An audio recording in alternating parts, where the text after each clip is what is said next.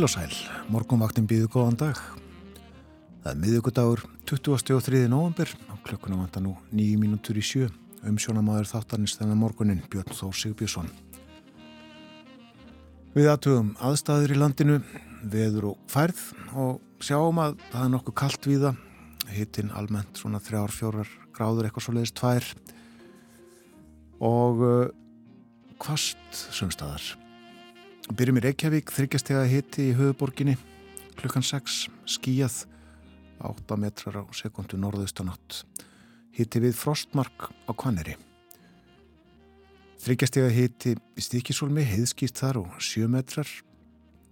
3 gráður á Patrísfyrði, 3 metrar á sekundu þar. Þryggjastega hitti líka í Bólungavík en 14 metrar þar og fór í 19 mestu kviðu. Norðaustanátt. Fjóra gráður á Hólmavík, 12 metrar. Tveggjastega híti á Blönduósi, 5 metrar þar. Fjórastega híti við Söðunisvita og 15 metrar. Þrjár gráður á Akureyri, allskíjað, 3 metrar. Veðrið eins á Húsavík. Fjóra gráður á Rauvarhöfn og 9 metrar. Þryggjastega híti bæði á Skeltingstöðum og Eilstöðum. 12 metrar á Skeltingstöðum 8 á eilstöðum og það er kvast undir vatnajökli 16 metrar á sekundu á höfni hotnafyrði þryggjastega hitti fór í 26 í mestu kviðu. Og uh, næri því að kvast á kvískerjum þar sem tveggjastega hitti er. Þrjárgráður á kirkjubæðaklaustri þryggjastega hitti líka á Stórhauða í Vestmannegjum 10 metrar og þrjárgráður í Árnesi, 11 metrar þar, fór í 19 mestu kviðu. Og tveggja, þryggja og fjórastega frost á hálendinu, fjórastega frost á sandbúðum, springisandi og hvast þar 20 metrar. Já, uh, það uh, hvesti nokkuð í nótt og uh, verður hvast núna framan af degi í það minsta, 13 til 18 metrar víða en 18 til 25 í vindstrengjum á sunnaværi landinu og gul viðvörun hefur verið gefin út vegna vinds á Suðurlandi og Suðausturlandi. En á Norðausturlandi er spáð skúrum eða jæljum og regningu sunnalands. En það verður bjart með köplum og þurft suðvestan til. Hitti í dag 1 til 7 stig hlýjast síðst, dregur hægt úr vindi setnipartin. Og það er hálka víða til dæmis á Holtaverðu heiði og Bröttubrekku. Það er hálka á Steingrinsfjörðar heiði, Þröskuldum, Hálsum í Reykjólasveit og einnig á Gemlufalsheiði. Það er hálka á Ólasfjörðarvegi og Öksnadalsheiði.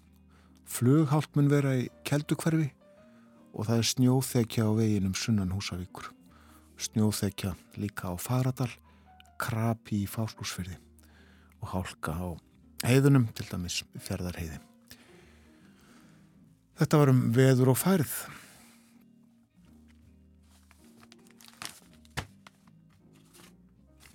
Og allt er með hefðbundum hætti hjá okkur á morgunvaktinni í dag. Við setjum lag af stað og uh, fyrstu tónana í þættinu þennan morgunin fyrir utan stefið, upphafstefið, fyrstu tónana flytja dátar.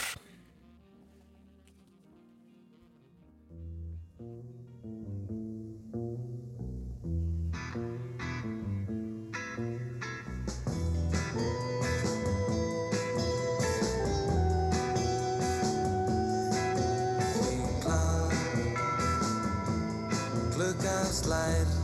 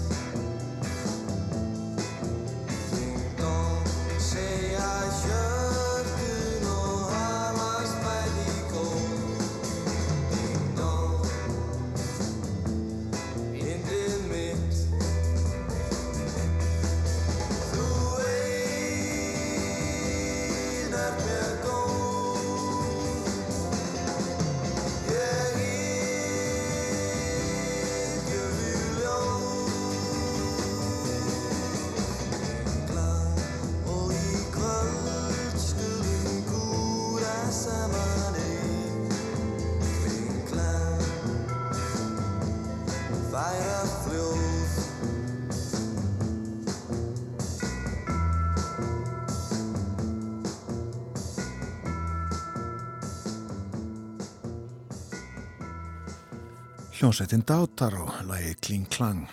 Þóri Baldursson sandi lagið og Ólafur Gaukur gerði textan. Klukkunum vantar nú rúmar tvær mínútur í sjö, við fáum fréttir frá fréttastofu klukkan sjö. Og á meðan rennur aðeins meira kaffi í bollan. Förum ítalið yfir dagskrátt áttarins eftir fréttinnar. Lítum í blöðin og ímislegt fleira.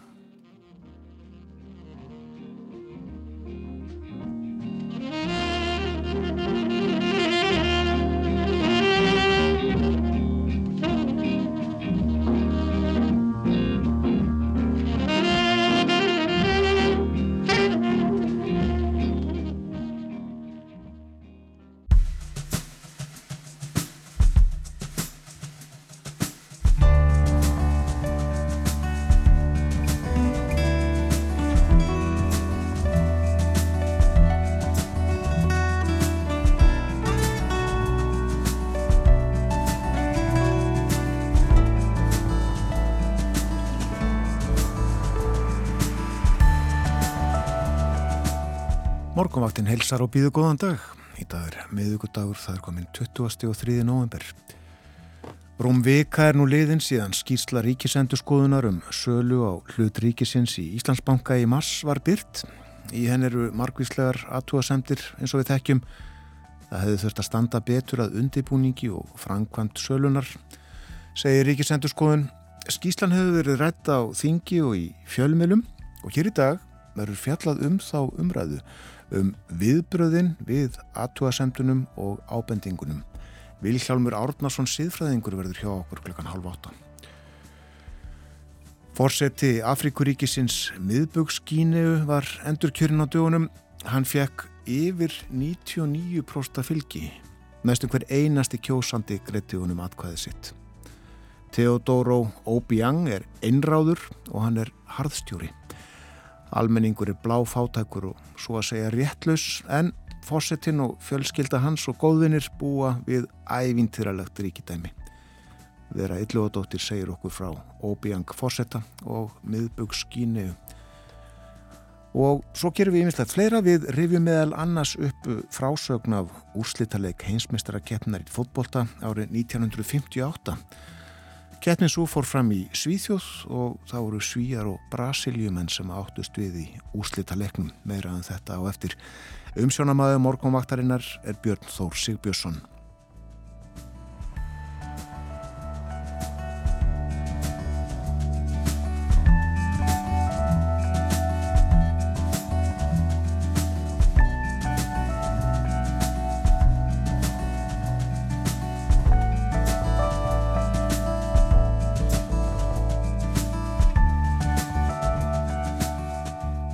Kvast víða á landinu og glitt fyrir að það kvessi enn.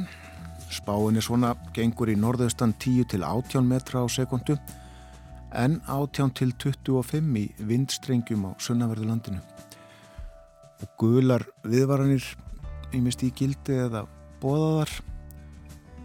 Það er eh, ná yfir Suðurland og Suðausturland og uh, þar getur vindur í kveðum náð 30 metrum til dæmis við Örafajökull og undir Eyjafjöllum. Og þessar viðvaranir uh, í gildi til 6 og 7 í kvöld. Og þetta á líka við um miðhálendið. En áfram með spána. Jeliða skúrir austan og norðaustalands rigningum tíma sunnalands þurft suðvestan til og hiti 0 til 5 stig en svo eins og uh, ég gatum á þann þá dregur úr vindi setnipartin og uh, viðvaranirnar viðvaranirnar falla úr gildi já klokkan 6 og 7 en á morgun 50 dag austan og norðaustan 8 til 15 sumstaðar 13 til 18 sunnalands og vestfjörðum. Og viða regning á morgum talsverð úrkoma á suðausturlandi og á östfjörðum úrkomu minna suðvestan til aðeins hlýra á morgun heldurinn í dag hitin þá 3 til 8 stygg og þá er það skeitinn frá vegagerðinni. Byrjum á vesturlandi, hálka er á Holtavörðu heiði og Bröttubrekku. Hálku blettir á nokkrum öðrum leiðum. Og vestfyrðir hálka er á Steingrinsferðarheiði þröskuldum, hálsum í Reykjólasveit og á Gemlufalsheiði og hálku blettir á nokkrum leiðum og það er hálka á Ólasfjörðavegi og hálku blettir allvíða á Norðurlandi meðal annars á Öksnadalsheiði flughált hins vegar í Keldukverfi á Norðausturlandi og hálka eða hálku blettir víða annar staðar í þeim landsluta og þá Östurland snjóþekja er á Faradal Krapi í Fásklúrsfyrði og hálka á Fjardarheiði og norður af Egilstöðum og það er kvast í Kvalnes og Þóttórskriðum og það eru hálkublettir á Mýrdalsandi og eins og kom fram í veðurhorfunum þá er vara við kviðum um eða yfir 30 metrum á sekundu í Öruvasveit fram eftir degi. Svona eru aðstæðir í landinu þennan morgunin. Við lítum í blöðin, dagblöðin og uh, sjáum að uh, fórsíðu myndir begja blaða, morgunblaðsins og frettablaðsins voru teknar á sama stað í ger, gerðkvöldi að hlýðarenda heimavelli Vals sem að fekk uh, gesti frá Þískalandi í heimsókn leikið í Evrópuketninni og stórlið Flensborgar mætt á hlýðarenda og uh, gestir hafði betur. En uh, fjallaðum þetta í blöðunum og uh, já, fórsíðunum nú uh, svo er að fjalla um orkumál heita vatnið á fórsíðu frettablasins en við heyrðum að því á dögunum að það er útlitt fyrir heitavaskort og uh, þau mál rætt við bæði Guðilug Þór Tórðarsson umhverfis orku og lofslagsráð þeirra og höllur hund loðadóttur orkumálastjóra. Og Guðilug segir að uh, áralöng pattstaða vegna karpsum ramma áallun hafi reynst Íslandi kostnaðarsum á tímum vaksandi orku skorts Og uh, áfram segir Íslendingar hafa undanfærið verið kvatti til að spara heitt vatn og hafa orðið umræður um að hitaveitan sé ekki sjálfbær auðlind. Og Guðlugur Þór nefnir að rammin hafi verið stopp í nýju ár og á sama tíma hafi litla rannsóknir verið stundadar og nánast engin ný orgu öflun átt sér stað. Rammin snýst líka um heitt vatn, ekki bara rafmagn, minnir Guðlugur Þór á. Og uh, Hallarhund, orkumálastjóri, hún bendir á að ef áformum fiskeldi á landi verðið að veruleika þá skapist eftirspurn eftir heitu vatni sem nefnið þörf allra höfuborgarbúa í dag. Og um pattstöðu ramma áallunar segir hún að ferðliskildi taka svona langan tíma skapaði tortrykni á báða búa. Og uh, hún bæti við að ramma áallun sé mikilvægt tól en Einnig þurfum við að huga að skilvirkni. Að taka ekki tíðari ákvarðanir en gert var er óásættanlegt og hefur vitaskuld haft áhrif á þróun hitaveitunar hér á landi. Nú, það er fjallað um netöryggi á fórsíðu morgumblaðsins og þau málrætt við Katrínu Jakobsdóttur fósettirsráþura sem jafnframt er formáður þjóðar öryggisráðs og hún segir við höfum verið að leggja aukna fjármunni bæði í alþjóðlegt samstarf í netöryggismálum og eins í innri uppbyggingu net og fjarskipta öryggis en í nýri breytingatillugu við þjóðar öryggistefnu í Íslands er lagð áhersla á aukin net öryggi landsins en það áskoranir miklar á þeim vettvangi segir hér í frett morgunblæsins. Miklar framfærir hafa verið á þessu sviði í heiminum en á sama tíma koma fram veikleikar og netglæpir hafa aukist. Fjallaði þetta ítalega í morgunblæðinu í dag. Og svo er það húsnæðismálin en endur mat á íbúafjöldalandsins í kjölfarin ís mantals hagstofunar gæti leitt til endur mats á íbúðaþörf á Íslandi. En eins og framkomið er annars hér á morgunvaktinni að þá búa hér nokkuð færri heldur en talið var. Munar 10.000 manns og skýringin er fyrst og fremst vantalning á fjölda íslenskra og erlendra ríkisborgara sem að flytja af landi brott. Fólk gerir ekki endilega grein fyrir því þegar það fer úr landi. Og þetta mögulega endumatt á íbúðaþörf er rætt við Erdnu Björgu Sverrisdóttur. Hún er aðal hagfræðingur Arjónbanka. Og hún segir að ef rétt reynist þá sé íbúðaþörf út frá íbúðafjölgun hugsanlega ofmetinn en mikið hafi einmitt verið rætt um skort á íbúðum með hliðsjón af tölum um öra íbúa fjölgun síðustu ár. Og svo er það uh, skýsla ríkisendurskoðunar um uh, sölu á hlut ríkisins í Íslandsbanka í mars en uh, fram kemur í skýslinu sjálfur að með allt þeirra sem að unnu aðinni með starfsmönnum ennbættisins var Jón Þór Sturluson, hann er deildafósetti viðskiptadildar Háskólands Reykjavík og hann líka fyrirverandi aðstóðafástjóri fjármála eftirlitsins. Morgunblæðið uh, vildi fá að vita hvernig uh, ráningamálum hans var háttað og uh, hvers vegna eða hvernig öllu heldur ráning hans kom til, í hverju vinna Jóns Tós hefði falist og hver kostnaðurinn væri við ráninguna. Sérsagt hvað Jón Þór hefði fengið greitt. En þær upplýsingar fást ekki og segir Guðmundur Björgun Helgarsson ríkisendurskoðandi að ákvæðu upplýsingarlaga taki ekki til ríkisendurskoðunar. Þar höfum við það. Forsýður morgunblaðsins og fredablaðsins þannan morgunin. Hér í gær þá fjöldluðu við um nýjútkomna bók Launstafir tímans heitir hún. Og uh, í henni eru með skrif Heimis Steinssonar press skólamanns þjóðgarsvarðar og útvarstjóra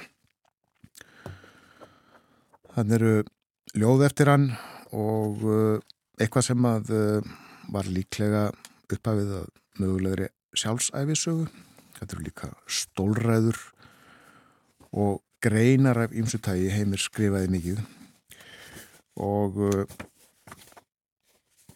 það er hér grein sem heitir, eða ber yfirskriftina umhverjusvernd og kristin trú. Og hann skrifaði heimir uh, árið 1990 og uh, hún byrtist í bókinni Brunnur lifandi vass en hún var gefin út til heiðus Dr. Pétri Jónasinni árið 1990 Pétur ansakaði Mývatn, lífríki þess. Og uh, að grýpa hér niður í þessa grein það sem að Heimi Steinsson fjallar um umhverfisvernd. Hún er skrifið 1990 og uh, þá er nýbúið að setja á fót umhverfisráðanetti á Íslandi. En Heimir skrifaði alvarlegasti umhverfisvandi heimsbyðarinnar er sá að annarleg öll ráða meiru en skinsamlegt vit og raunverulegur vilji Stefnumark mannkins er í þessu efni á dreif og heildar áallanir í mólum. Skamtíma ávinningur þeirra heimsdrottna er fara með fjármagn, situr í fyrirrumi. Sjálfur virðast fjármaks eigendurnir ekki þekkja önnur eða umfangsmeiri markmið en þau eigin að útgerðin beri sig um stund. Viðleitni fátækra þjóða að eiga til nýfs og skeiðar með því að höggva skóa og koma upp eitur smiðjum berað samabrunni. Hvarvetna líta menn til næsta máls og hliðra sér hjá að horfast í augu við afleðingarnar á komandi tíð. Tekist er á við óefnið á heimsmæli hvarða. Dagur jarðar var hugbót og gleði gjafi. Umhverfis ráðstefnur vekja vonir en óneitanlega fara með sér hægt í viðlitninni. Yfir öllu vofir ómennsk og illhönd hagsmuna frekjunar sem tefur fyrir eiginlegu átæki gegn umhverfis vanda. Þessi nýð höggur lætur hvergi staðar numið. Hann er ekki bundin stjórnmálakerfum. Ríkiskapitalismi kommunistaríkjana hefur verið enn umsveða meiri við tortímingu náttúrunar en enga kapitalismi Vesturlanda. Aug þess er skilningsleisi manna oft með indæmum þóttir yngra hagsmunni hafa að gæta. Margur glópurinn hefur, verið, hefur náttúru vernd á hornum sér líkt og í óráði eða blindu. Jável þingvaða nefnt má ekki leitast við að vernda grastæjurnar sem eftir eru á lögbergi og í gjánum við alþengistaðin forna án þess að atvinnu fíbl gefið sér fram og gerir hrópað tilrun nefndarmanna. Ljósti er að veruleg breyting til batnaðar verður ekki nema tilkomi hugarfars bylting. Ég legg áherslu á orðið bylting. Reynslan sínir að litlu tauti verður komið við hagsmuna öflin og atvinnu fýblin með spaklegu spjalli einu saman. Ráðstefnur eru góðar og ráðunetti. Merkist dagar gegna hlut, sínu hlutverki.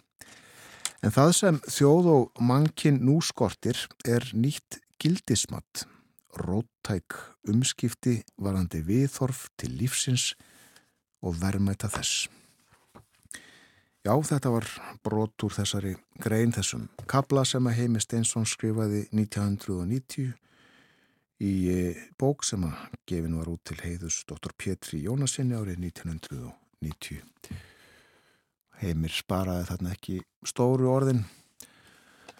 Skrifaði á fyrir 32 eh, árum og eh, enn á margt af því sem hann saði þá við í dag og við eh, reyfum þetta upp ekki síst vegna þess að umhverjus ráðstöfnu saminuð þjóðuna í Egiptalandi er nú nýlokið.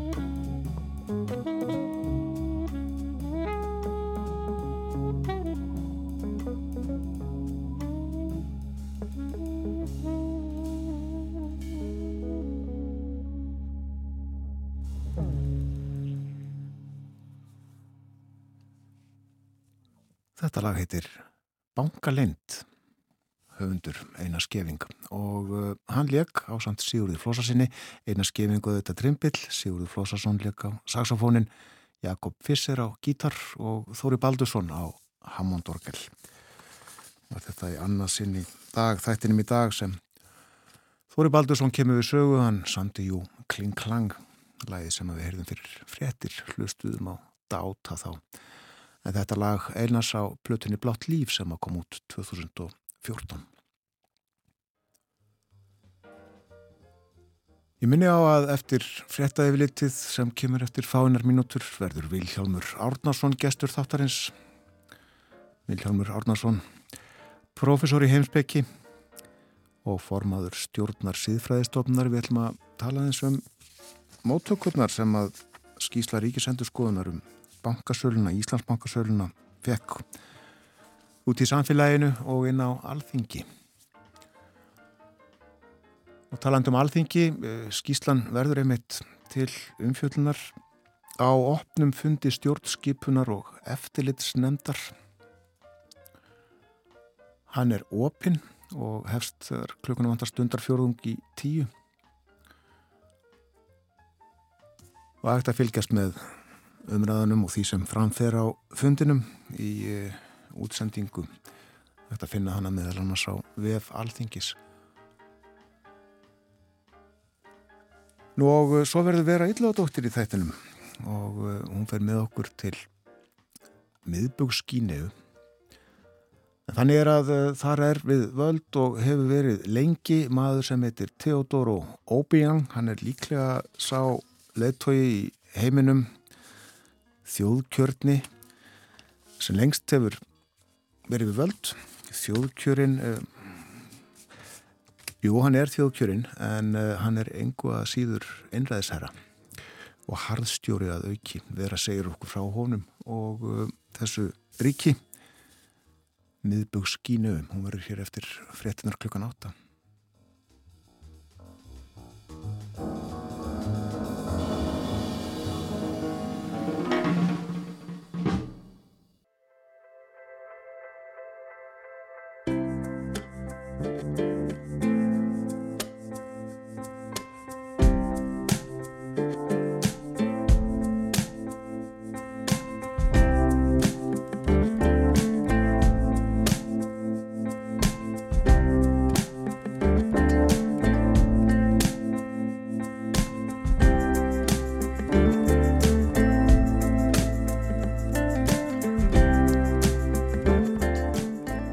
aftur þegar það hlusta á morgunvaktina á rás 1 klukkan réttliðlega hálf 8 Já, það er miðugudagur í dag 20. og 3. november Við höfum yfir veðurhorfur dagsins það gengur í norðaustan 10 til 18 metra á sekundu en 18 til 25 í vindstrengjum á sunnaverðurlandinu Jéliða skúrir austan og norðalands og rigningum tíma sunnalands þurft suðvestan til og hiti í dag frá frostmarki og að 5 stegum. Það dregur svo úr vindi setnipartin og það eru gular viðvarnir í gildi fyrir Suðurland og Suðausturland. Þar getur orðið bísnakvast ekki síst undir eigafjöllum og örafajökli sérstaklega í vindstrengjum. Þar geta myndast vindstrengir og vindræði þeirra kannski 30 metrar á sekundu eitthvað svoleiðis. En það dregur sem sagt úr vindi setnipartin og á morgun þá verður aðeins hægari vindur. Já þó austan og norðaustan 8 til 15 sumstaðar 13 til 18 það verður einhverjum sunnalands og á vestfjörðum. Og það mun regna víða á morgun og búist í talsverður í úrkomu á Suðausturlandi og á östfjörðum úrkomu minna suðvestan til. Hiti 3 til 8 stig á morgun. Meira um veðu síðar höfum kannski að horfunum fyrir helgina ef tími gefst til. En uh, ég veik aðtegli á það er hálka víða bæði á uh, fjallvegum en uh, víðar þó til dæmis á norðausturlandi. Það er eins og vegagerinn segir flughált í keldukverfi svo dæmis er tekið. Snjóþekjaði líka sumstaður á vegum.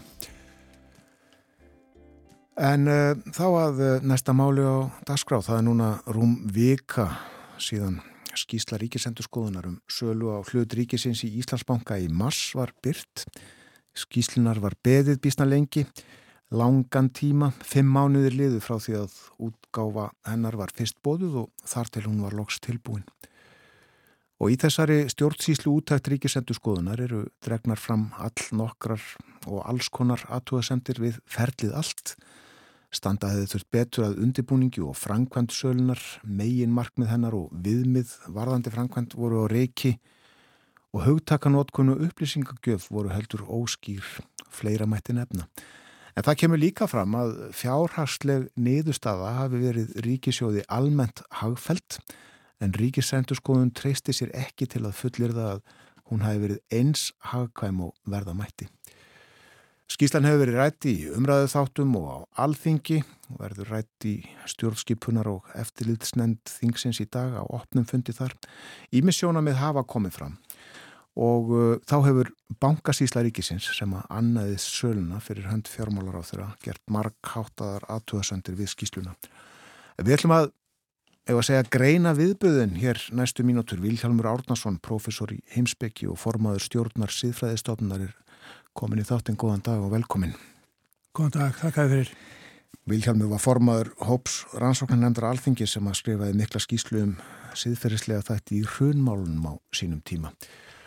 Og enn eru við sem sagt að fjalla um pólitík og peninga og fagmennsku og síðferði. Það lítur að vera öllum vombriði og þá ekki síst þér Vilhjálmur að, að þannig hafi verið staðið að málum í massa ríkisendurskoðun þurfti að gera stjórnsýslu úttækt og fjármála eftirliti framkvæma rannsókn og þetta er fjármála fyrirtækja í þessu öllu saman. Já, vissulega, það voru, þetta er sérlega viðkvæmt málefni, salabanka og, og öll, öll svo saga sem tengist í og þess vegna held ég að öllum hafi verið mjög mikið í mun að, að vel myndi takast til gaggrinn í rannsónarskíslinni var náttúrulega sem varðaði stjórnstísluna og var einmitt um, um skort á þessum hlutum sem þú nefndir, skort á, á vöndum undirbúningi og, og faglegum vinnubröðum og, og slikt. Nú það komu strax upp ímsar aðtúasemdir um val á þessum svo kallum fagfjárfæstum, skilgreining og hópnum þeim upphæðum sem að, sem að hefði verið í bóði og ímislegt þetta og, og en, en eins og ég hef oft tala um þegar svona er sko, það, það gerast alls konar hlutir, eh, mælikvarðin á, á okkur og, og lærdómin, ef við erum að tala um lærdóm til dæmis, er hvernig bregðastu við þeim? Og, og þarna var að við minnir bara pólitísk sátt um það að þetta er það rannsaka. Það væri þarna alvarlegir annmarkar að þér virtist þetta er sé, borgararnir, almenningur brást mjög illa við, það, voru hörðu viðbröð og, og, og, og réttmæti það ekki sem sé að vantraust kemur upp og það er, það er alvarlegt mál, því að það held ég að það, það er það sem þessi ríkistjórn lagði upp með í upphafi með ýmsum móti að, að styrkja hér traust, forsendur trúverðuleika Og, og, og, og ég man ekki eftir því að neittna við andmalt því að þurft að gera rannsókn. Þessi ágreiningur var frekar um það hver, hverjir ætti að gera rannsóknuna og margir köllu eftir sjálfstæðir rannsóknar nefnd. Ég kom nú inn í smá umræðum um þetta og því að þá var við að tala um sko við getum ekki treyst ríkistendur skoðun. Hún væri þarna og mér fannst mjög mikið að við getum, sem við ættum að treysta okkar stopnunum og og uh, nú, er, nú er engin að tala um það að við getum ekki treyst ríkisendur sko, nú segja menn, já, það var náttúrulega lánáttúrulega fyrir að, þeir, þeir, að svo stofning get ekki svara öllum spurningum. Mér fannst það ekki alveg sagt nú að skýrti upphæfi það var talað reynda um þurfti að hafa meiri heimildir. En, en allavega þá, þá, uh, þá er þetta gott að því leiti að, að, að allir voru á því að þetta þurfti að rannsaka. Það held ég að sé bara punktur sem við getum fagnað. Akkurat Og uh, já, rétt að geta þess að, að ríkisendurskoðun gerir það sem að kalla er stjórnsýslu útönd mm -hmm. sem eru afmarkaðir þættir bara sem að hún skoðar. Vissulega og, og, og svo náttúrulega er, eru aðverir þættir í okkar líðræðiskerfi, það er stjórnskipun og eftirlist nefnd, það er náttúrulega sem sé fjármál eftirlitið, það, það eru fjölmiðlar og, og uh, hérna minni hlutin á alþingi eh, sem stjórnarnanstæðan, það erum með alls konar kerfi og, og, og ef að á að sé grípa til sérstakar rannsóknarnemdar þá, þá náttúrulega sko það, það er svolítið varasamt held ég að, að það sé alltaf leiðin þegar að sko það verður að vera allavega mjög vel afmarkaðar spurningar og, og ljóst hv- hverju þarf að svara. Þannig að umbóðu til einhverja nef slíkar nefndar sé algjörlega skýrt og, og uh, kannski erum við komið þangað núna, ég veit ekki, þessu málu er ekki lokið, það er fjár, úttækt fjármála eftir stendur en þá yfir Akkurat. og já, svo höfum við fjölmiðla náttúrulega sem að eiga að veita aðhald. Það er rétt, en uh, sko, mér langaði ekki síst að ræða með þetta við þig uh, út frá fagmennsku og, og faglegum vinnubröðum. Þið Mhm. í, í, í síðfræðinni fjölluðu sérstaklega um já, þau hugtök, má segja, nýrverið.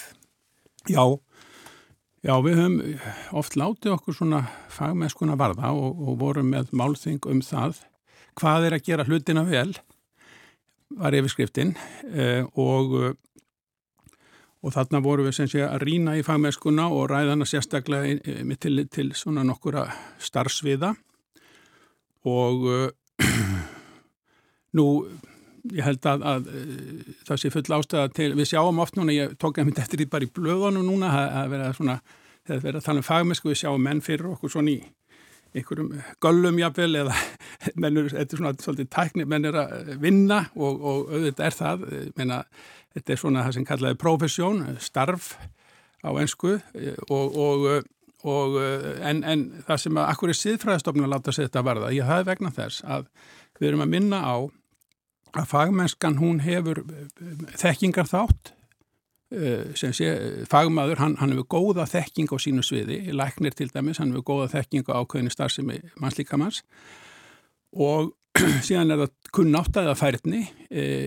til þess að beita þekkingunni þannig að, hann geti haft áhrif á þetta líkans ástand og stöðla að, að heilbriði og loks er það hins siðferðilegi þáttur sem að er í hvaða skín er þekkingin notuð, eh, í hvaða markmiði? Og, og, og þá er það ákveðin domgreind, hvenar á að nota hana í, í hvaða mæli og, og, slíkt. Og, síðan er, er, það er oft talað um ákveðina alúð að, að, að, sem er svona digð að, að, að helga sig starfinu og, og, og, láta sig, sig sem sé alla þessa þrjá þætti varða Þannig að, að og þá, þannig er ákveðin sem sé samskiptafærni, hvernig, við tók lækni sem dæmi, hvernig, hvernig ræðir hann við sjúklinga, hvernig mætir hann þeim og, og, og loks, eitt sem er mjög mikilvægt í, í, í fagmennsku hugtækinu er að, að öll störf þau, þau beinast á endanum að því að ebla eða styrkja almenna hagsmunni, almenna heill. Það er, starfstjættir eru yfirleitt sem sé með, með leifi eða, eða já, sem að og fá, fá starfsréttindi og, og, og, og ansmænst því eru þá skildur til þess að, að, að vinna hlutina vel og í, í þá almennings. Mm. Og dæmi er mjög skemmtilega að vera að ræða þetta til dæmis í verkfræðinni að, að hérna að verkfræðingur hann, hann er ekki bara flinkur teknilega og, og með þessa þekkingu á þeim ferlum heldur, hann er alltaf að hugsa um það hvernig þekkingin nýtist í almanna þáum. Þannig að þetta var svona okkar báskapur og, og svo, síðan er hinliðin á, á akkur siðfræðan að hugsa um þetta. Það er vegna þess að ef að, ef að fagmaður vinnur svona, þá veitar hann ákveði viðnám gegn spillingu. Hann veitir viðnám gegn öllum sem, sem að grafa undan þessum þáttum. Mm. Mér finnst áhugavert að heyra uh, nefna líka alúðina. Mm -hmm. Hún skiptir svo miklu máli. Þarna. Já. Já.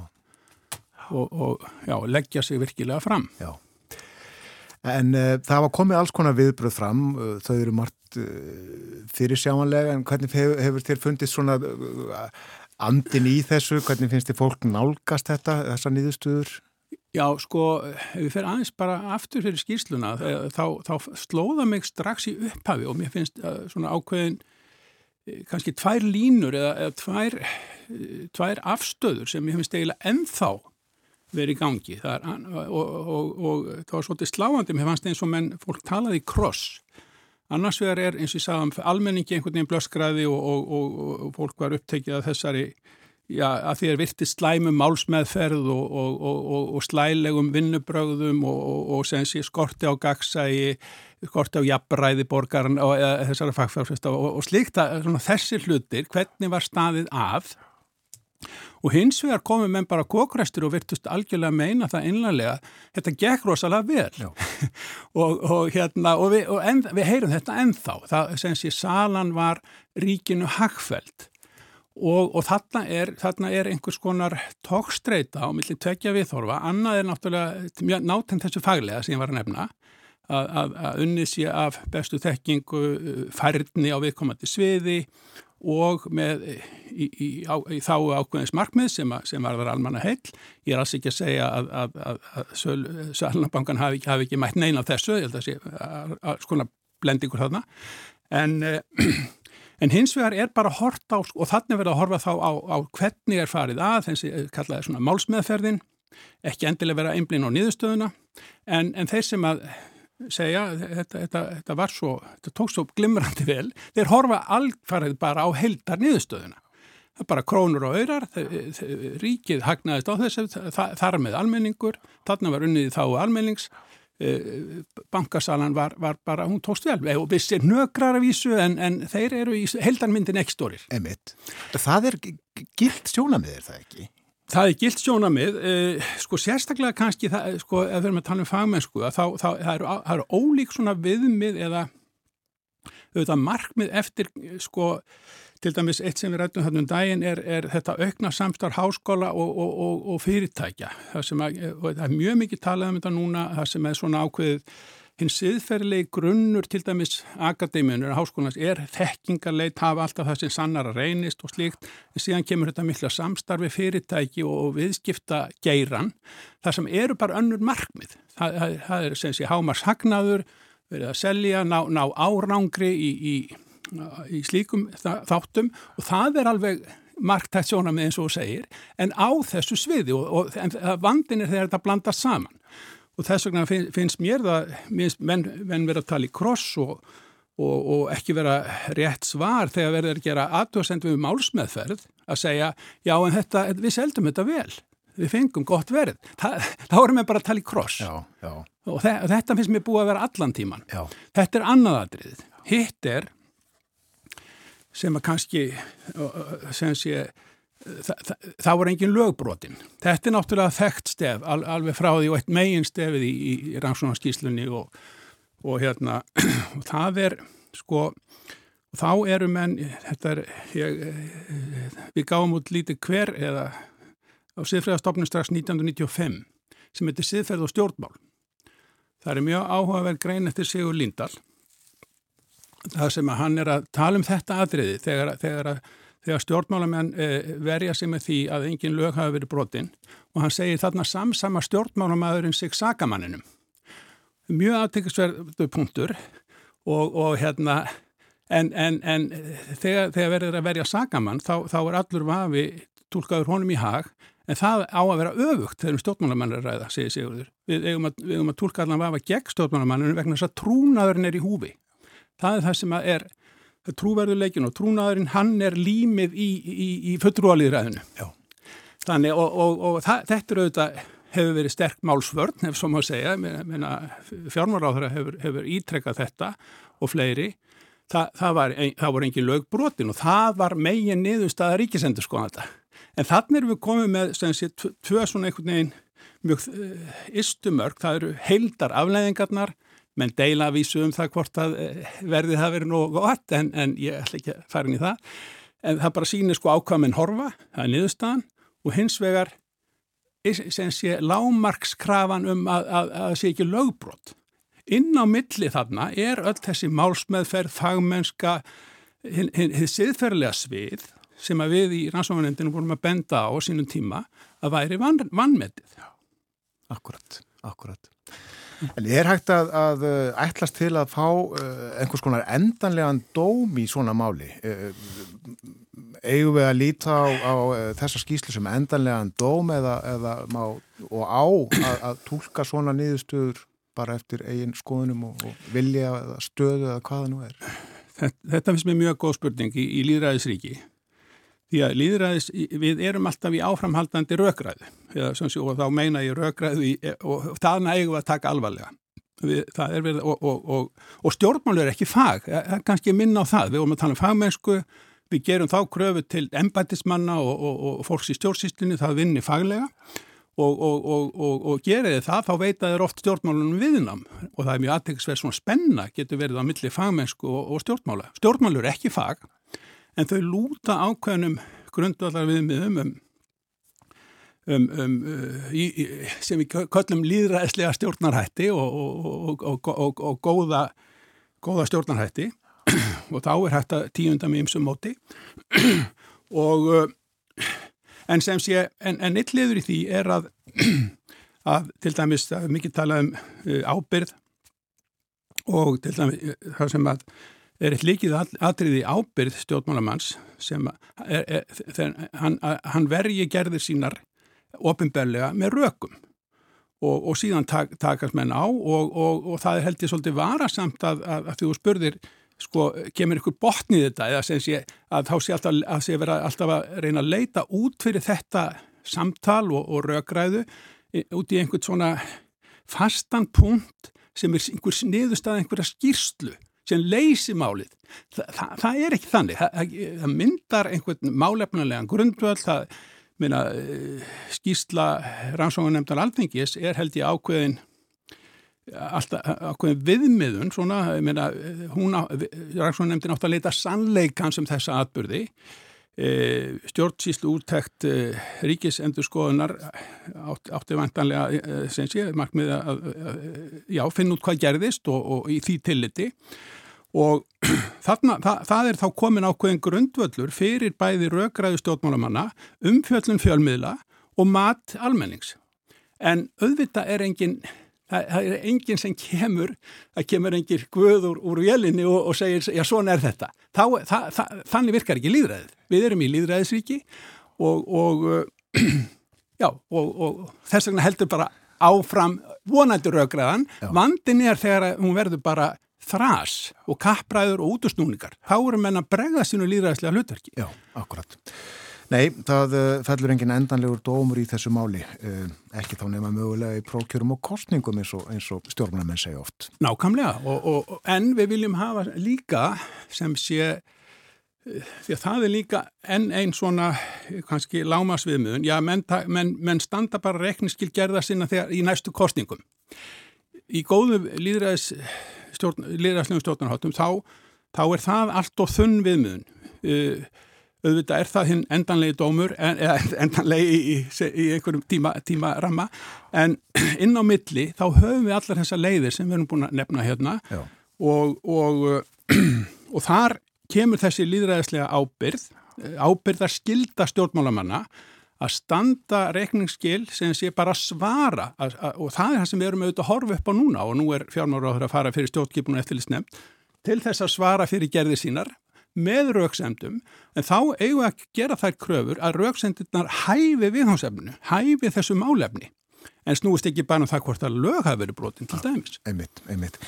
Eh, eitt hér í blá lokina því að við hefum stuttan tíma eftir, eh, það er með lekan, eh, skýslinu var lekið til fjölmila um það byrj sólarhing áður hún áttið að byrtast. Þar var rannsaka það sérstaklega þínu viti? Ég veit ekki, mér finnst þetta bara mjög ámælisvert og forkastanlegt. Það er hérna og eiginlega skil ekki alveg hvað, hvað hefur vakað fyrir viðkomandi vegna þess að þetta, það var ekkit í húfi. Það, það voru hérna einhverju örfái tímar fram að, fram að byrtingu og, og þetta kasta bara rýrð á, á þann sem að eða þá sem að hefur átt í hlut. Já. Vort á að rannsaka það sérstaklega? Ég, nei, nei, ég held ekki, ekki, minnst þetta ekki vera þannig vaksið alveg? Nei, mitt. Akkurat, það, maður sér ekki fljótubræðið að nokkur hafi grætt á, á, á þessum leka eh, og þetta hefur eiginlega bara þvælt umræðina um, um málið. Já, já. já einmitt, og þegar, þegar sko leki getur hugsanlega verið sko réttlætanlegur en þá þarf að mæta ákveðnum skilurðum sem alls ekki voru til staðar hérna. Nei, akkurat. Já, hér í blá lokin aftur uh, þessi skísla til umfjöldunar í stjórnskipunar og eftirlitsnemnd alþingis á opnum fundi sem að hefst upp úr hálf tíu í dag. Kæra þakki fyrir að koma enga á morgunvaktina þennan morgunin. Takk hjálpa. Vilhjálmur Árnason, professor í heimsbyggi og formaður stjórnar síðfræði stofnar, rætum þessi mál. Þessa skýslu uh, nokkuð vítt og breytt uh, þarf að segja uh, viðbröðin. Hvernig fjallað hefur verið um hana. En framöndan eru fréttir hjá okkur á morgunvaktinni og eftir fréttir verður hér vera ylluðadóttir sem að fer með okkur til miðbögskínu í dag. Hvað er á segið þar? Jú, þar var kosið á dögunum. Fórsetin var endurkjörinn en eina ferðina hann fekk næstu því öll greitt atkvæði. Hann er harspstjóri, eh, gjörspiltur, einráður. Eins og við heyrum af í frásög veru á eftir.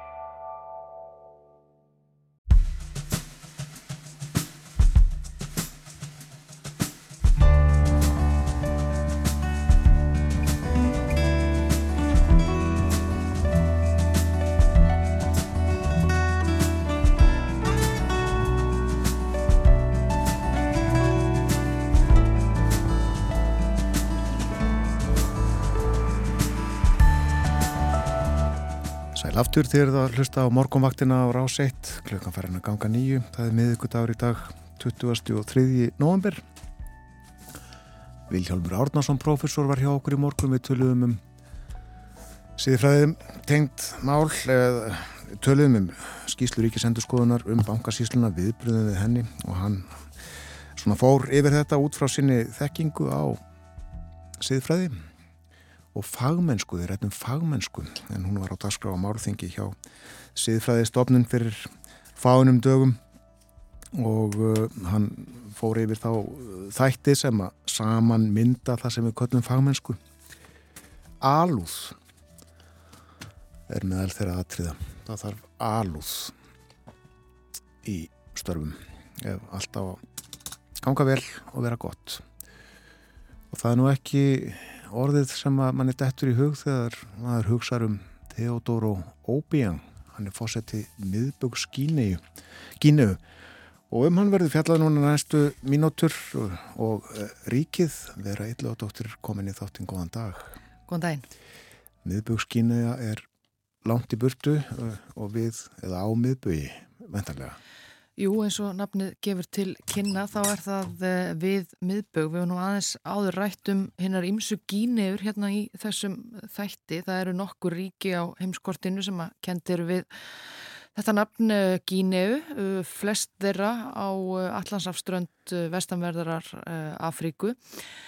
Gínea og Gínea Bissá og síðan er miðböggs Gínea sem að er seðst af þessum löndum eh, við miðbögg. Þetta er lítið land ekki nema 28.000 ferkilometrar svona örlítið minni en uh, Belgia og skiptist í annars vegar landsvæði við vesturströnd uh, með Afríku klest á milli Kamerún og, og Gabon og síðan uh, nokkrar eigjar úti fyrir, uh, úti fyrir ströndinni og aðalega eigjan Bioko sem að uh, Evrópumenn kölluðu lengi uh, Fernando Pó eftir portugalskum sæfara sem að þar kom við og er úti fyrir uh, strönd uh, Kamerún og þar á eiginni er meðal annars höfuðborg uh, miðböggskínu Malabó að, að finna.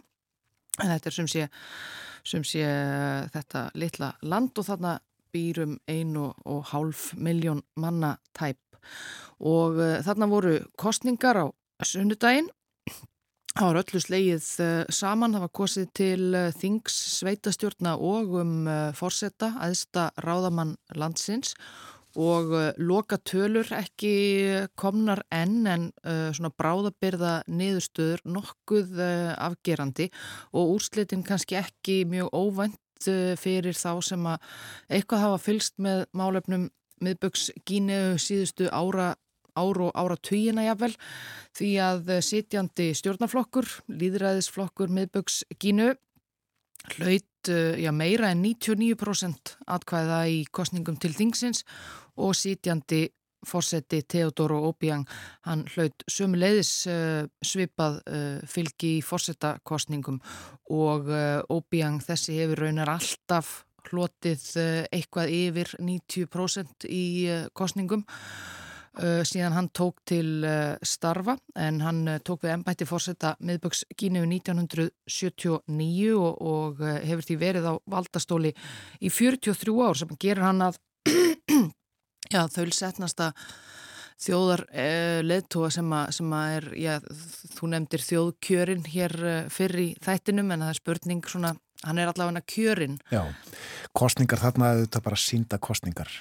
Uh, já, ymmit uh, eh, og það er, já, það var þarna, það voru þarna einhverjir aðrir í frambóði, uh, myndir stjórnar andstæðingar en hlutu sem sé ekki nema minna en, minna en 1% atkvæða og, og alþjóða alþjóða stopnarnir og, og, og samtök eru nú á því að það hafi ekki verið haldnar kostningar í miðböksgínu sem að hægt, að hægt er að dæma að ekki hafi verið einhver brauð í tabli þannig að það er líklega ekki svo að, að, að þjóðlandsins hafi fylgið sér alltaf svona um, um þennan uh, fórsetta sinn og, og kjósi hann af, af heilum hug. Já, segð okkur meira frá þessum náunga.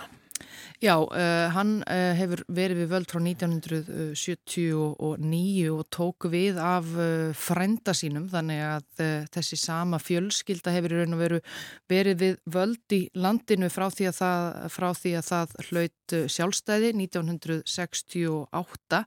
Þetta var, þetta er óveinulegt land í Afriku vegna þess að þetta var uh, spænsk nýlenda, spánverjar uh, áttu ekki margar nýlendur í, í, uh, í Afriku en voru þarna og veittu síðan miðbökskínu sjálfstæði 1968 og þá vor, var emt til fórsetta kostninga sem að líklega eru þær einu alvöru kostningar í, í sögur landsins fram til, fram til dagsins í dag þar sem að sigraði og, og tók við sem fórseti maður sem var þá svona einn af uh, fáum innfættum miðböks skínumönnum í, í uh, stjórnkerfi nýlendunar gömlu, Francisco Macias Nguema, yfirleitt kallaður Macias og sem að hafi byrjað ferilsinn sem domtúlkur en síðan risið upp með hjálp spánverja og orðið ráþerra og, og, og þingmaður og sigraði þessar fyrstu fórsettakostningar en var strax mjög umdeldur uh, og svona mjög undarlegur maður. Það hefur talsverðu púðri verið varðið í það að velta fyrir sér uh, hvort hann hafi verið veikur á, á geði og þá af hvaða geðsjúkdómum hann hafi þjáðst. Uh, reykti mikið kannabis og neytti annara ofskinjunar livja í ennbætti og sagði ímislegt uh, undarlegt uh, lofaði Hitler þegar landið fekk uh, sjálfstæði og, og sagði að hann hefði bjargað Afríku og ímislegt annað sem að hérna, ruggl sem að eftir honum er, er haft og mjög skömmu eftir að hann tók við völdum þá tók hann sér allræðisvald, lísti sig forsetta til dauðadags og hófst handa við að, við að e, já, láta elda uppi og, og myrða alla sína eh, andstæðinga e, og síðan þegar hann var búin að því færði sig yfir, á, yfir, á, yfir í ja, bandamenn sína og létt taka fjöldan allan af, af, af fólki af lífi fyrir ýmsar sakir og, og engar. Og dáðist mjög víst að uh, Kim Il-sung leðtúa Norður Kóriu á þessum tíma og, og, og svona reyndi að, að, að stjórna landinu í, í svona eins og, eins og Norður Kóru tók upp mikla, mikla persónudýrkunum sjálfan sig sagði, sagði katholskum prestum að, að láta messurnar snúast aðalega um, um sjálfan sig og svo framvegis kallaði sig, sig gjarnan hið einstaka kraftaverk Já. Og uh, sem sé alla sína valdatíð uh, letan, letan uh, myrða fólki í, stórum stíl og, fangelsa í hryllilegum fangelsum og var svona miðbygg 8. áratögar eins orðin algjörlega styrlaður að sögn helt sig þá nær alfarið í, í, í villu sinni afskektum heimabæ sínum og þar sem hann satt og, og, og talaði við sjálfan sig eða talaði við, við, við drauga og uh, stjórnkerfi og hagkerfi landsins þá í, í svona bara í algjöri, algjöri rúst. Og uh, fór síðan yfir í það að uh, láta jafnvel myrða sína eigin ættingja og, og, og fjölskyldu sína. Og þá sem sé 1979 þá ákvað yngri frændi hans að grýpa í taumana. og uh, rændi völdum Theodoro uh, Obiang sem uh, er maðurinn sem enn er, við völd. Og Masjas frændans var á endanum dæmdur fyrir, fyrir þjóðarmorð og fleiri glæpi og hann var tekin af, af, af lífi. Og Obiang hefur verið við völd síðan og svona talaði um það þegar hann tók við þarna 1979 og hann ætlaði nú að bæta úr bæta úr öllum þessum hryllingi sem, að, sem á undan hafi uh, komið uh, en myndist kannski minna á það að hann var sjálfur uh, samverkamaður uh, frænda síns í þessu öllu, hann stýrði meðal annars uh, einu allræmdasta fangelsi miðböks Gínu lengi þar sem að, þar sem að myndir óvinir fyrirverandi fórseta voru, voru pintaðir og, og, og, og, drefnir og Og svona það leið ekki, leið ekki langur tími þar til að, þar til að eh, nýr fórseti Óbjang já, svona, tók sér sjálfur allræðisvald sem, a, sem að hann hefur haldið síðan og, og, og eins og ég sagði þá var hann alltaf, alltaf uh, endurkjörin fórseti með eitthvað á beilinu 94 til 99% um uh, atkvæða og uh, í fórsetakostningum uh, 2002 voru reyndar dæmi um það.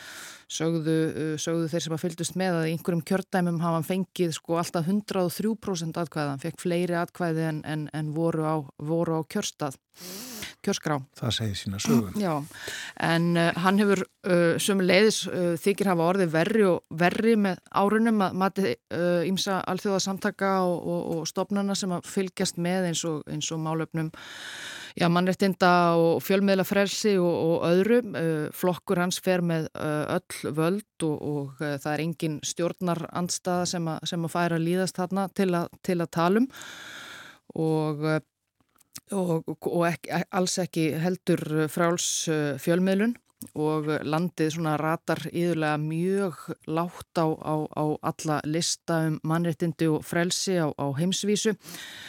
Uh, einn af þeim listum er, er uh, hugveitan bandariska Freedom House sem heldur úti slíkum lista. Þar eru einungis Norður Kórea, Turkmenistan, Suður Sútan, Eritrea og Sýrland sem, að skora verð en miðböks Gínea á, á lista mannréttindi og frelsi á heimsvísu. Það er sjötta neðsta landið þar, eitt af tólf spiltustu löndum heimsangvænt uh, Transparency International og, og svona mætti lengi telja þannig að það er víða pottur brotin í miðböks Gíneu en, en Theodor Obiang hefur það þó ágætt sjálfur af því að Já, þetta var mjög fátækt land á, á, á valdatíð forvera hans og eh, 1996 gerðist sá merki atbörður að, að þarna fannst ólja og uh, miðbökskína er núna orðin já, ein, af uh, mestu óljuframlegslu ríkjum í Afríku sunnan Sahara, þar á allavega topp 5 lista. Og þetta hefur þessi ólíufundur hefur algjörlega umturnað hagkerfi landsins eh, sem að annars byggðist á, á, á kakórækt á, á árum áður.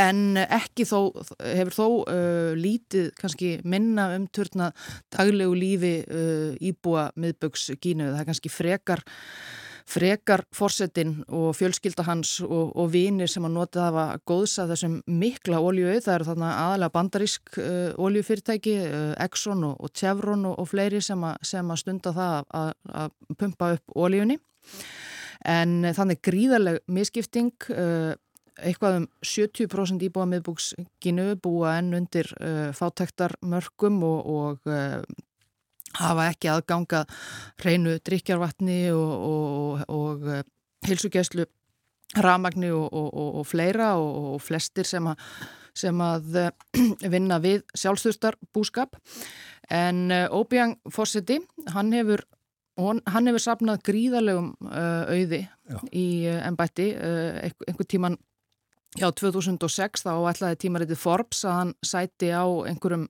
600 miljónum dollara sem að næði til að gera hann einn af ríkustu stjórnmálamönnum heims. Uh, það var nokkrum árum eftir það að hann tilkynnti uh, það að 2003 uh, þegar oljuauðurinn var byrjaðar að flæða inn að, að það færi best á því að hann stjórnaði ríkisjóði einn svo að já, embætismenn og aðri stjórnmálamenn freistuðist ekki til að stela oljuauðunum þannig að hann færi Hann færi bara alfarið með likla völdin þar og uh, let síðan peningana flæða inn á eigin reikninga í bandaríkunum og, og annar staðar og notaði hann svo til að byggja, byggja sér villur og, og, og kaupa sportbíla í, í, í Evrópu og meira. Og þannig að hann hefur, hann hefur notið góðs af, af því og sömulegis uh, fjölskyldans Óbjörn sem sé, hann uh, ný, ný kjörinn aftur uh, fórseti til uh, næstu sjö ára en hann er, uh, hann er áttræður í ár og verður 87 ára ef hann klárar þetta kjörtímabil. Lætur engan bilbug á sér finna en uh, hann er, uh, þó hann hefur komið ættmennum sínum uh, fyrir í ymsum valdastöðum í landinu og, og svona útlitt fyrir að hann hugsi sér að, að, að sonur sinn sem heitir líka Theodoro, kallaði Theodorín og er 54 ára og var að fórseti landsins uh, í dag, hann muni taka við á honum eftir, eftir hans dag. Og uh, ólíklegt að uh, fari svo verði miklu breytingar í miðböks Gíneu að því að Theodor og Yngri, hann, er, hann hefur verið rannsakaður fyrir fjármálumeisferðli og, og spillingu í, í fjölda landa, held ég í Fraklandi, Sviss, Brasilíu, Breitlandi og Bandaríkunum þar sem að, þar sem að hann hefur sem hann hefur eh, já, sveiblað og, og, og sóað þessum, þessum óljuauð og, og þekktur fyrir alls konar, alls konar uh, já, tömlösa eðslu í, í, uh, í snekkjur, sportbíla og svallveslur uh, eitt að það var, það var, uh, það var í fréttum í bandaríkunum fyrir nokkrum árum þegar hann var þar til rannsóknar fyrir tengsl síni á við, við bandarísk oljufélög og, og einhverja, einhverja grunnsamlega eðslu að hann þessi uh, sonur hans, Theodor Yngri, hann á Kristalshanskan sem að Michael Jackson klættist á tónleikaferðalagi fyrir plötuna Bad 1987 til 89. Þetta, þennan hanska keift hann á 275.000 dollara eða svona tæpar 40 miljónir íslenskra króna. Hann er mikill uh, Michael Jackson maður og á víst líka sokka sem að Michael Jackson klættist og, og fleira honum tengt og útlitt sem sé fyrir að, fyrir að, fyrir að hann taki við uh, völdum í miðbökskínu þegar, þegar uh, Theodor Obiang uh, lætur að völdum eða, eða lætur lífið í, í ennbætti eins og kannski, eins og kannski uh, er útlitt fyrir. Já. Já, þetta var um þá Obiang feðga, uh, þó Theodor og þann eldri sem hefur verið völdu lengi, lengi, lengi í miðbökskínu það var spænsk nýlenda áður eins og vera saði frá og uh, kjörorð ríkisins eru á spænsku Unidad, Paz og Justicia eining, friður, réttlæti. Eh, það er ekkert af þessu greinilega viðhafti, viðhafti stjórnlandsins. Nei, eitthvað mjög lítið af þessu. Já, þakkaði fyrir í dag vera illa á dóttir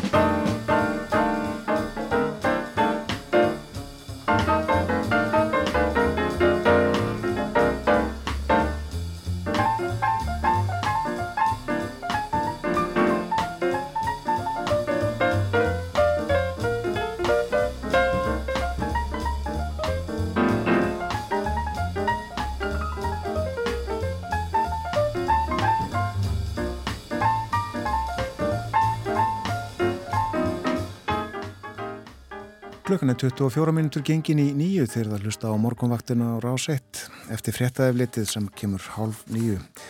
Þá ætlum við eins og ég gattum fyrir morgun að rifja upp frásagnir, eh, frásögn af uh, úrslitalegnum á heimsmestramótinni í Knaspinu 1958. Það var leikið í Svíþjóð og Svíjar og Brasiliumenn áttust við í úrslitalegnum. Ég ætla að lesa fréttur úr íslensku blaði frá þessum leik eh, nefni fleira sem að tengist þessu móti 1958, þetta var sjötta hinsmestramótið sem að framfór í fótbolta.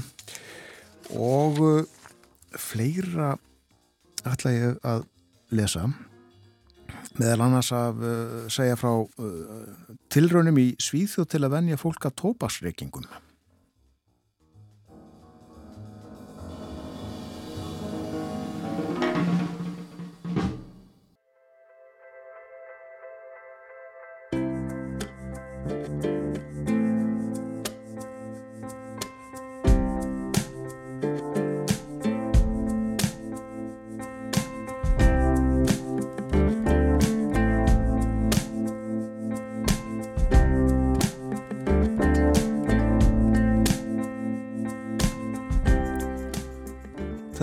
morgunvaktin á rás 1, klukkan réttliðilega hálf nýju. Já, en hækka vextinnir, getum það í réttaðiflitinu hér áðan að uh, fyrirleikur ákvörðun peningastefnum nefndar Sælabankans og vextinnir hækka um 0,25%.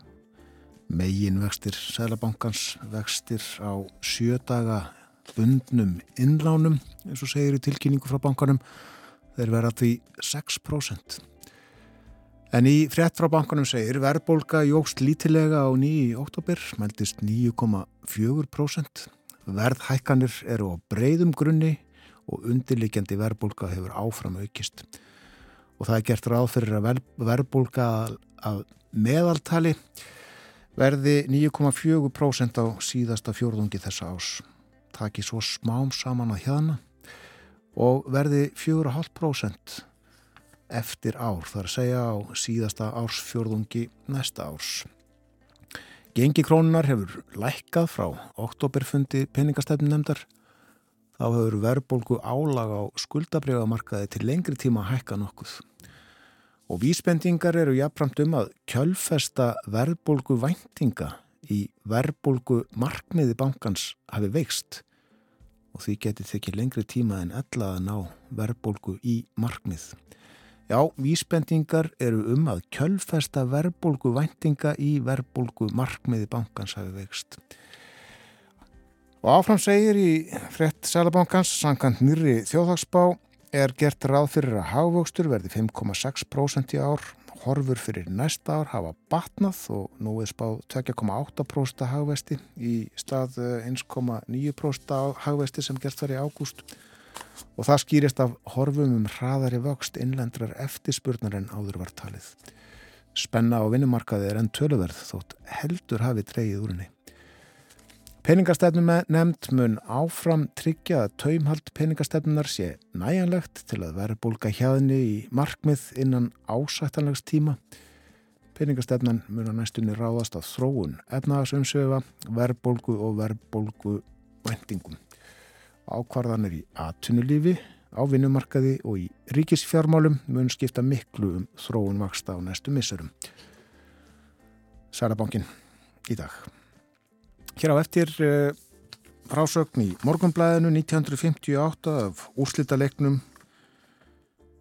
í hinsmestraketnin í fótbolta sem framfór í Svíþjóð sumarið það. En uh, hlustum fyrst á eitt lag, hér er Neil Diamond.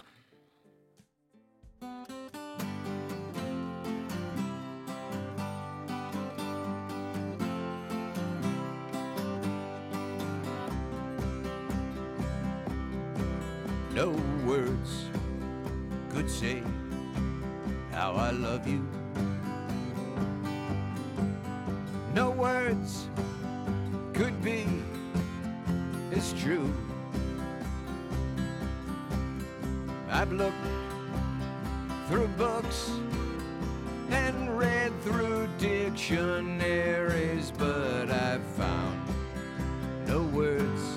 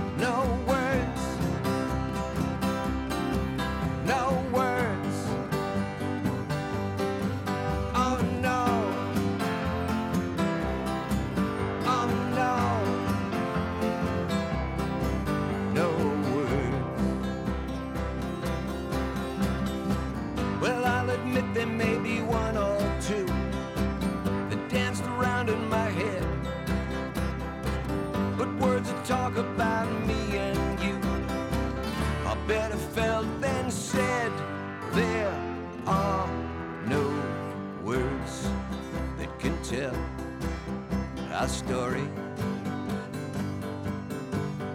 They just get in the way. It's all about the feelings that you're feeling, not about the words you say.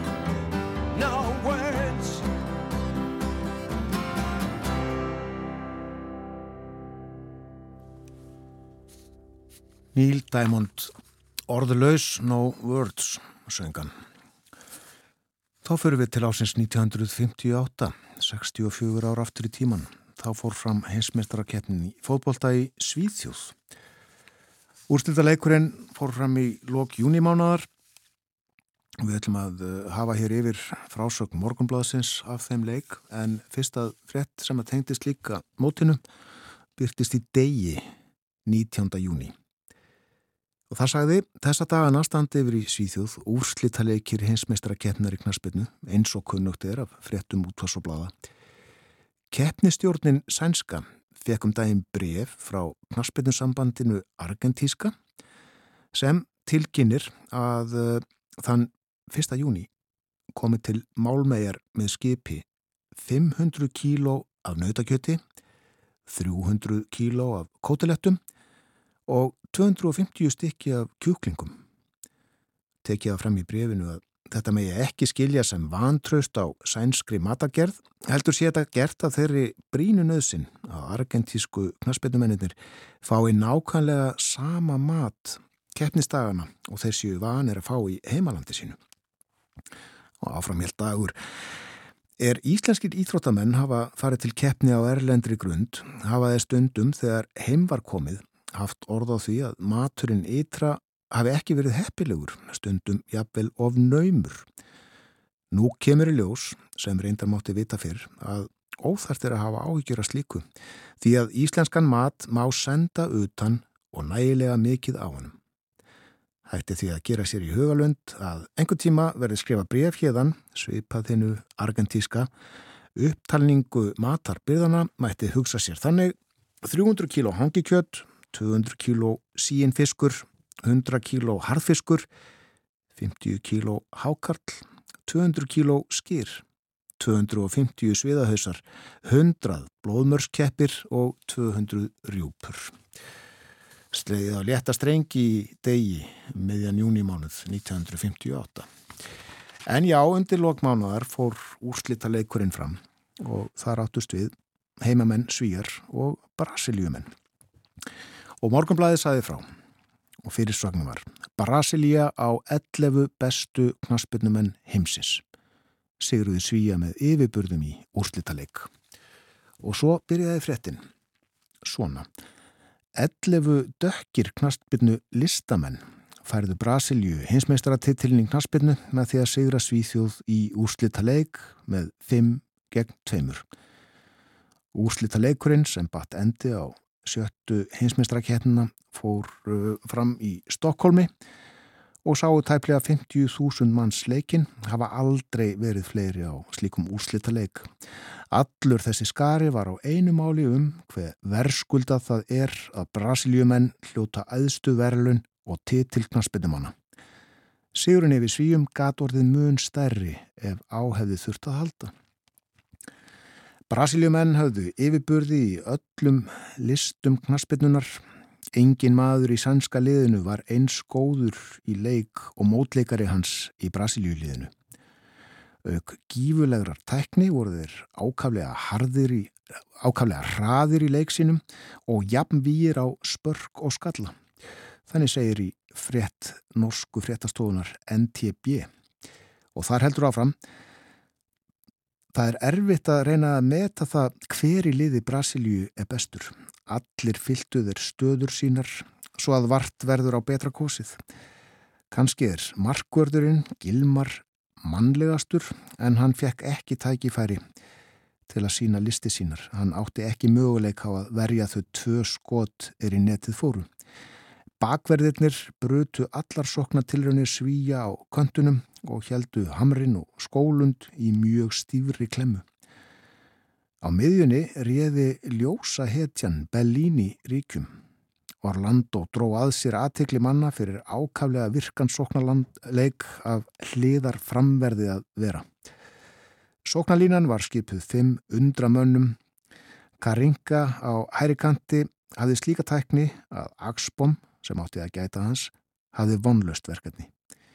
Didi innherri stjórnaði öllu en var ekki í essinu sínu þennan daginn hvað skot snerti. Óvið jætmanlega leik síndi hinn 17 ára gamli Peli. Hann var ákaflega hættulegur og erfitt að gæta hans og kann allt þó, já kann allt þó aldur hans sé ekki hár. Og miðherrin Vafa átti sinn þátt í stórsýrunum og Sagalló á vinstri kanti hvar svo litið skugga hinna. Og um sænska liðið sagði svíjar eru alls heiðus verðir fyrir fremistuðuna. Engin hafði í alvöru búist við að liðið kæmist í úrslita leikin. Þar börðust þeir eftir bestu getu. Svensson í markinu hafði vart möguleika á að verja nokkur þeirra skota er markvarð úr. Vörnin átti í sífældum brösum og var oft grátt leikin af undramönnunum dökkleitu.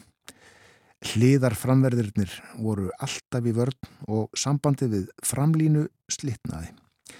Gunnar Gren reyndi manna mest að bæta úr því en tilrunir hans báru ekki nægan árangur. Hamrin og skólund voru algjörlega kveðnir í kútin. Dómari var frakkin Gjueki, hann átti rólegandag, leikurinn var prúðmannlega leikinn, þó fannst flestum að Brasilíumenn hefðu átt að fá vítaspyrnu á svíja fyrir gróflegt brot á Garanka við Mark Svíja. Já, eh, svona var skrifað um úslítaleikin á hensmestramótunni í knaspinu 1958 og húðlitur braslíumannana nefndur þarna nokkrum sinnum. En þetta var fyrsti hinsmeistaratitill brasilíumanna og uh, síðan þá hafa hefur þeim fjölgað, hafi ekki brasilíumenn orðnir, orðið hinsmeistarar 5 eða 6 sinnum, 5 sinnum líklega. En uh, á hinsmeistaramótinu í Katar í dag eru fjóri leikir á dagskrá. Svo fyrsti hefst klukkan 10 og þá eigast við Marokko og Kroatia. Klukkan 1 Þískaland og Japan. Klukkan 4 Spátn og Kosta Ríka. Og að lokum klukkan 7 í kvöld mætast Belgía og Kanada. Stórtíðindu þetta í gær þetta tap Argentínumanna eða öllu heldur Sigur Sáti Araba yfir Argentínumannum. En uh, þegar ég var að leita fréttum af uh, hensmestramótinni í Svíþjóð 1958 þá rakst ég á aðtilsverða frétt sem að byrtist í þjóðviljanum 20. og 50, 5. júni það ár og fyrirsögnin Þryggja til fjögur að pakka menn eru vandir af reykingum með spröytum. Hvað er þarna á ferðinni? Jú, tíu innspýtingar af nýfundnu lifi hafa reynst næja til að venja af reykingum menn sem reykt hafa að staðaldri 60 til 80 síkarettur á dag. Þessi reynsla er fengin í hjálpastöð fyrir reykingamenn í Arsta í Stokkólmi. Sænska landsambandið gegn tópakinu rekur alls fjórar slíkar stöðvar í höfuborg síðuður. Aðsóknað hjálparstöðinni hefur verið mikil síðan hún var opnið í mars. Alls hafðu 400 menn fengið fulla meðferð um miðjan þennan mánuð. Þeim er gefin spröyta á dag, tíu daga í röð og einnig er þeim gefna róandi töflur. Ekki aðeins stórreikingamenn leita hjálpar til að venja sig af reikingum. Margir sem reikt hafa í hófi, eins og segir hér innan gesalappa, eru döðfeignir að fá aðstóð til að hætta reikingum. Svo er sagt frá því að Börje Eirúp, dósent, hann hefur yfir umsjón með hjálparstöðum landsambandsins gegn tópakinu og hann let svo ummælt í bladavittali nýlega að ekki væri nóg með að reykingar gætu valdið eða örfað myndun krabbamins í munni og öndunafærum sannað hefði verið að einni væri samband millir reykinga og sjúkdóma í hjarta og æðakerfi. Þessi vittneskja sem satt að koma þarna fram 1958 þar um byl. Reykingar eru beinlínis hættulegar fyrir þá sem eiga vanda til krampa, segir Eirup dósent. Margir reykja tíu síkaretta á dag án þess að verða fyrir vanlíðan, krampaköstum eða hjartabilun. Það stafar af því að líkaminn kemst smátt og smátt upp á lag með að leysa upp nikotínuð og eigða eitur áhrifunum. En byli varnir líkamanns, til dæmis við ofkælingu, þá getur það verið hreinn lífsháski fyrir hjartavilan manna reykja 20 til 30 síkarettur á dag. Dósendin hefur gert ítarlega rannsóknir á 87 mönnum sem vandir hafa verið af reykingum með nýja lifinu og þar af hafa 53 verið aðtugaðir að staðaldri í árs fjórðung eða lengur og niðurstaða dósendsins er að þessa breytingar verði á líðan manna við að hætta að reykja. Viku eftir reykingum er hætt hefur þá hverfur öskugrámi af húðinni og hún fær eðlilegan lit. Menn verða róri, fá aukna matalist og eiga betra með að sofa. Óþægindi fyrir hjarta hverfa. Reykingar hósti og lungna kvef hverfa hjá mörgum og hjá öllum dregur úr þeim ákomum. Þef og bræðnæmi ykst að mun. Frétt í þjóðviljanum frá Svíþjóð 1958. Já, þryggja til fjögur að pakka menn eru vandir af reykingum með spröytum. Hugsið ykkur, menn reyktu ég vel 8-10 síkaretur á dag, sangat þessu. Það er eitthvað uh, undarlegt við það.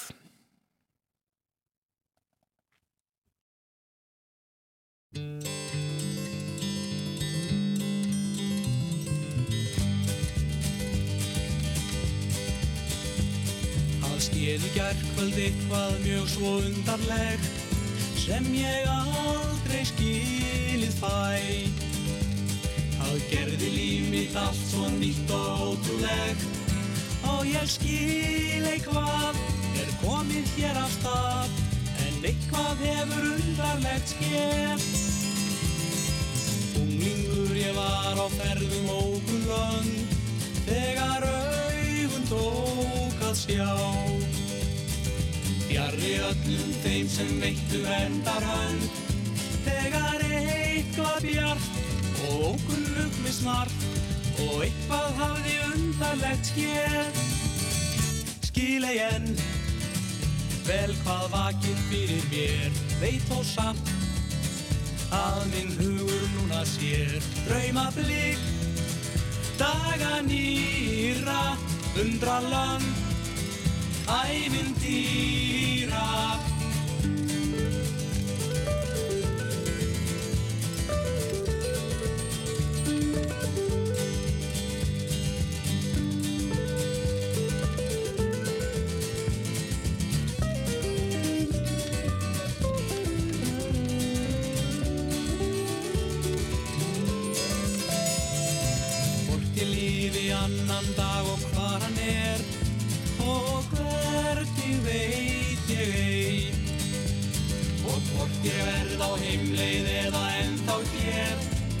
ég sagt ei fæ en samt ég glaður hlæ því eitthvað hefur undarlegt skeð.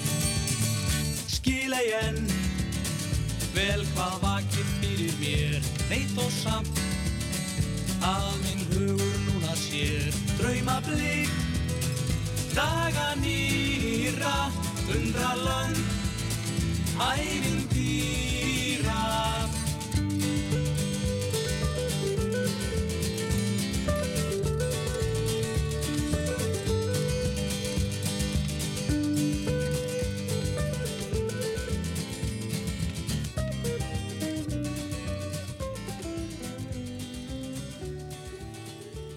Ríó Tríó, eitthvað undarlegt, Helgi P, Óli Þórðar og Gústi Alla. Það er komið að lokum morgunvaktarinnar þennan morgunin. Klukkan alveg að verða nýju, vantar núna sjö mínútur. Í þættinum í fyrramáli verður Bói Ágússon með okkur, sestu heimsklökan eftir morgunfréttir og við ætlum að tala um stjórnmál í færiðum. Það verður kosið í færiðum eftir um, tvær vikur líklega. Stjórnin fjell og uh, það eftir að uh, einn ráþærina var rekin fyrir homofóbíu og uh, ekki ennaði stöðun en að kjósa. Við ræðum um kostningabaratuna fjallum um hana í fyrramáli. Við ætlum líka að fjalla um samskipti Pólans og Íslands. Tilefni það að í næsta, næstu viku þá verður rótnað Íslenskt sendiráð í Varsjá en Pólst sendiráð hefur verið starfætt í Reykjavík nú í nokkur ár og uh, svo ætlum við að tala um myrkrið.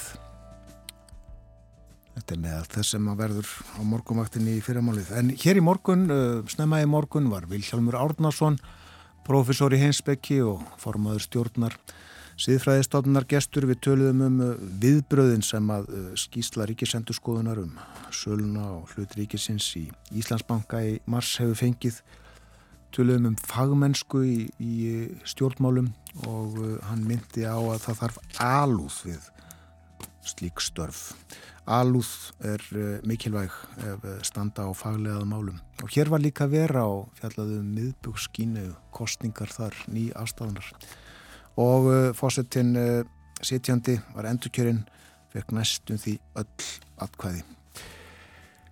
Lengra verður þetta ekki, þakkar samfélgina þennan morgunin, njóti dagsins og verði sæl.